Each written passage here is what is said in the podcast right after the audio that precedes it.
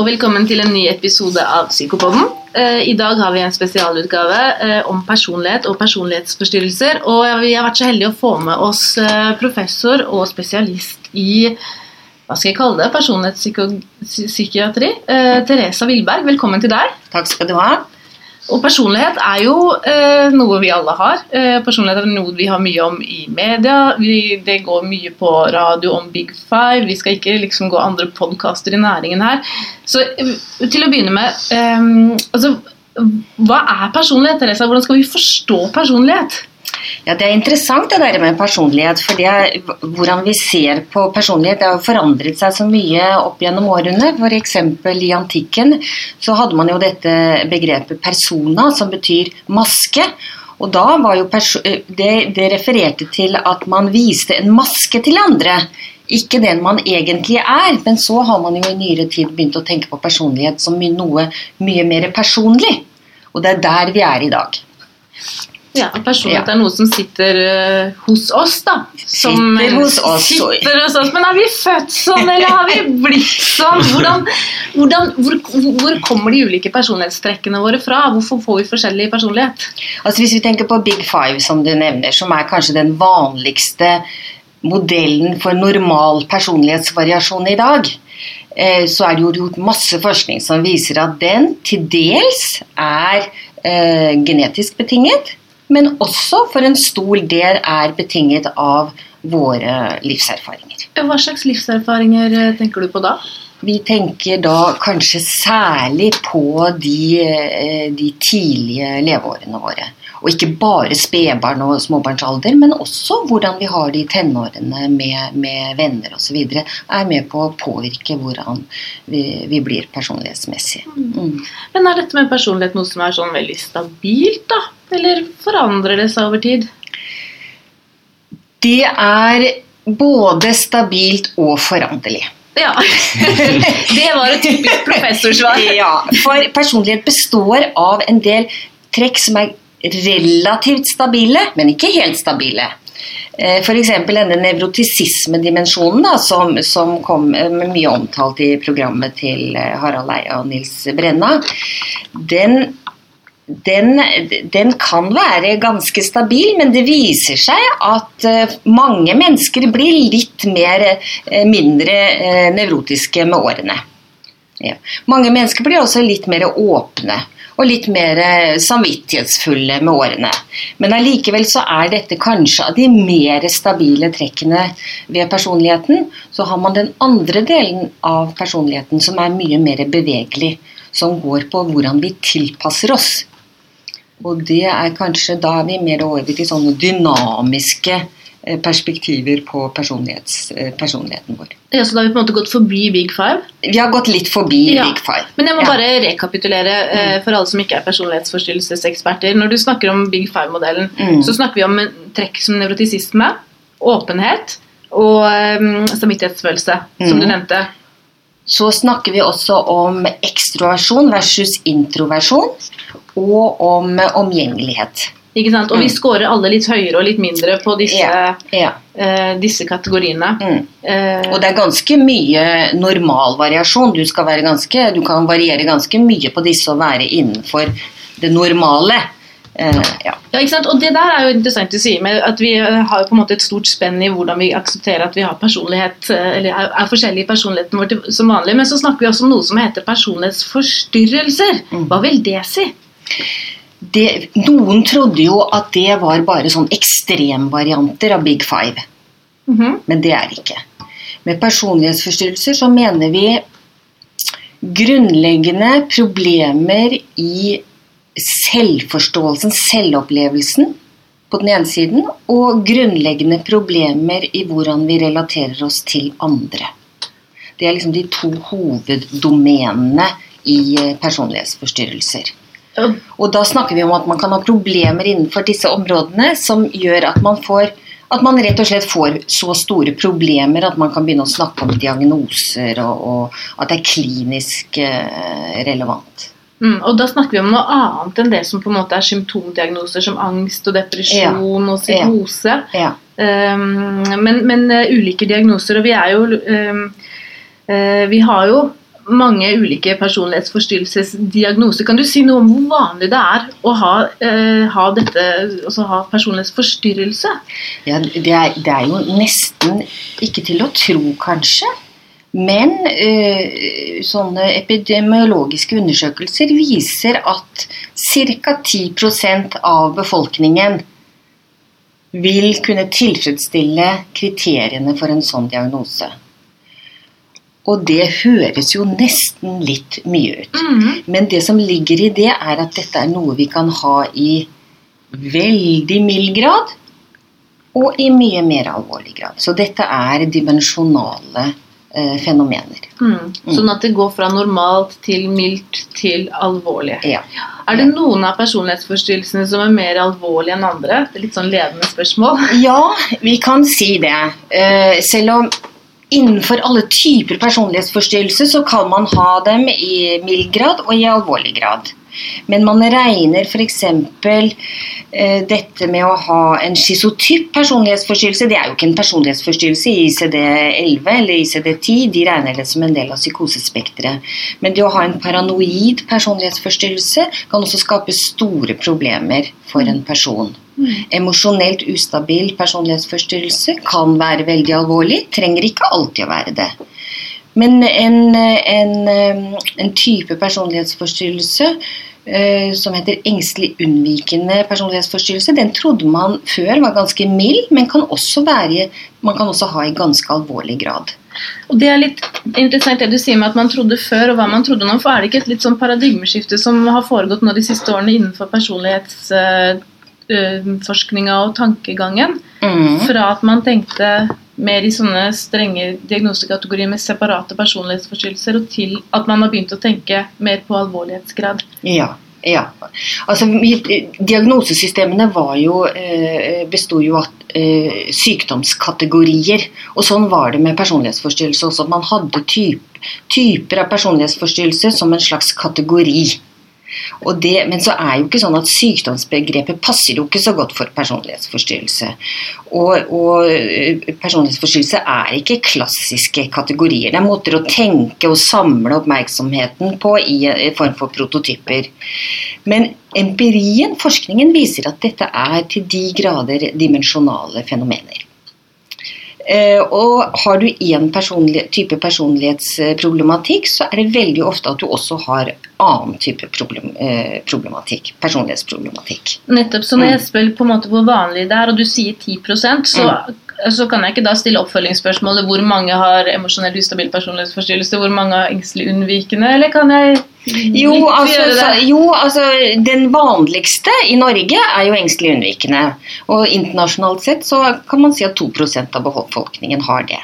Og kanskje er det særlig vanlig i Skandinavia. Ja. Det vet vi ikke. Om dette har noe med et slags temperament å gjøre her i, her i Norden. Eh, en emosjonelt ustabil personlighetsforstyrrelse er kanskje mellom en halv og 1 prosent. Eh, I hvert fall litt lavere prevalens enn unnvikende, men den har fått mye mer oppmerksomhet. Ja. ja.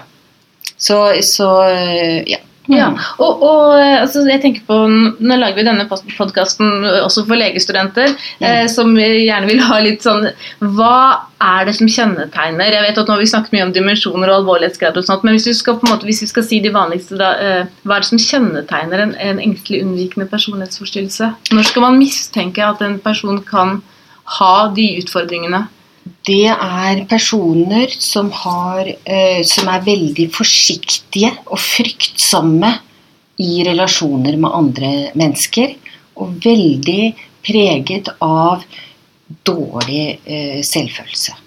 Mm. Ser veldig, eh, et, et, veldig negativt selvbilde, og ofte da en overbevisning om at andre eh, ser like negativt på en selv. Og det er veldig hemmende da, eh, både når man skal realisere sine egne mål og, og lyster i livet, men også da i forhold til å innlede relasjoner med andre. Og dette kan nesten høres ut som det går over i mer sånn fobiske tilstander eller depressive tilstander. Er det noe sånn sammenheng til komorbiditeten der? Ja, mange, mange, blir deprimerte. Og mange har jo også eh, denne diagnosen, da, sosial angst. Eh, at man er veldig engstelig sammen med andre. Eh, men det er en svær diskusjon, forskjellen på unnvikende engstelig personlighetsforstyrrelse og sosial angst. Ok, og Den rekker vi ikke å ta her. Men hvis, for å gå videre da, Hva kjennetegner de emosjonelt ustabile? De emosjonelt ustabile de er kjennetegnet av ustabilitet. Altså Det gjelder eh, følelser Følelsene kan svinge veldig mye og veldig sterkt, og da gjerne mellom sinne, redsel, eh, dysfori av ulike slag. Eh, og av og til også litt oppstemthet, men det er særlig disse litt vanskelige negative følelsene som, som svinger mye. Og så er det et veldig ustabilt selvbilde som kan svinge mye, og det er ustabilitet i relasjoner med andre. Man kan ha gode relasjoner, og så plutselig så skjer det noe som gjør at det eh, blir, eh, relasjonen oppleves helt annerledes. Og dette, altså Når du beskriver eh, både disse emosjonelt ustabile personlighetstrekkene og de engstelige unnvikende, så høres jo det ut som noe som folk kanskje søker hjelp for. Men hva med andre personlighetstrekk? Så hvis man går mer over i de paranoide og de dyssosiale og de schizoide. Kan du bare si litt kort hva de sykdomskategoriene er? Jeg tror ikke vi skal si så mye om de schizoide, fordi de, har, de eh, søker sjelden til behandling selv. Og det er veldig omstridt også om dette egentlig er en eh, personlighetstype. Eh, men de paranoide de kan jo også søke behandling, men av og til så kan det være andre som eh, ønsker at de skal gå i behandling. For det, for det, det å ha en paranoid personlighetsforstyrrelse betyr jo at du er veldig skeptisk til andre og veldig usikker på andres motiver man tror at andre er fiendtlig innstilt overfor en, og man blir selv fiendtlig innstilt på, på, omgivelsene. Og det er vanskelig da å søke behandling i en form for sånn tillitsfull, eh, hjelpsøkende atferd. Mens mange andre, men så kan, bli, så kan man da bli deprimert eller engstelig og søke, type, søke hjelp for den type mm. problemer isteden. Mm eh, antisosiale, eller de dyssosiale, ja, det er jo en veldig interessant kategori som, som, som det er interessant, Vi ser dem jo ikke så ofte i helsevesenet. De, jo, de som har dette i stor grad, er jo ofte enten i fengsel eller i rusfeltet. Ja, eller på film. Der ser vi eller på film, ja. Men noen søker også, uh, også behandling. Men uh, man tror kanskje at folk med dyssosiale personlighetsproblemer har ja, ja, liksom veldig robuste, da. Men, men, det viser seg at de jo blir ofte engstelige, ofte deprimerte. Og de dør jo. altså De har jo høy mortalitet. både når det gjelder ulykker, men også selvmord og, og all verdens ting.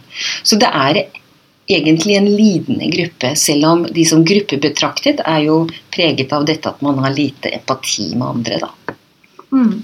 Så Det du beskriver nå, det er jo egentlig veldig illustrerende at uh, veldig mange uh, uh, problemer og utfordringer går på tvers av det som vi tradisjonelt har tenkt på som personlighetsforstyrrelseskategorier. Mm. Mm. mm. Har dette også noe å si for hvordan man behandler personlighetsforstyrrelser, i den grad man kommer i en posisjon hvor man kan behandle det? Ja eh, Primærbehandlingen for personlighetsforstyrrelse er jo psykoterapi, eller samtalebehandling eller eh, psykososiale tiltak. Støtte, støtte til tak av ulike art. Det er primærbehandlingen. Mm.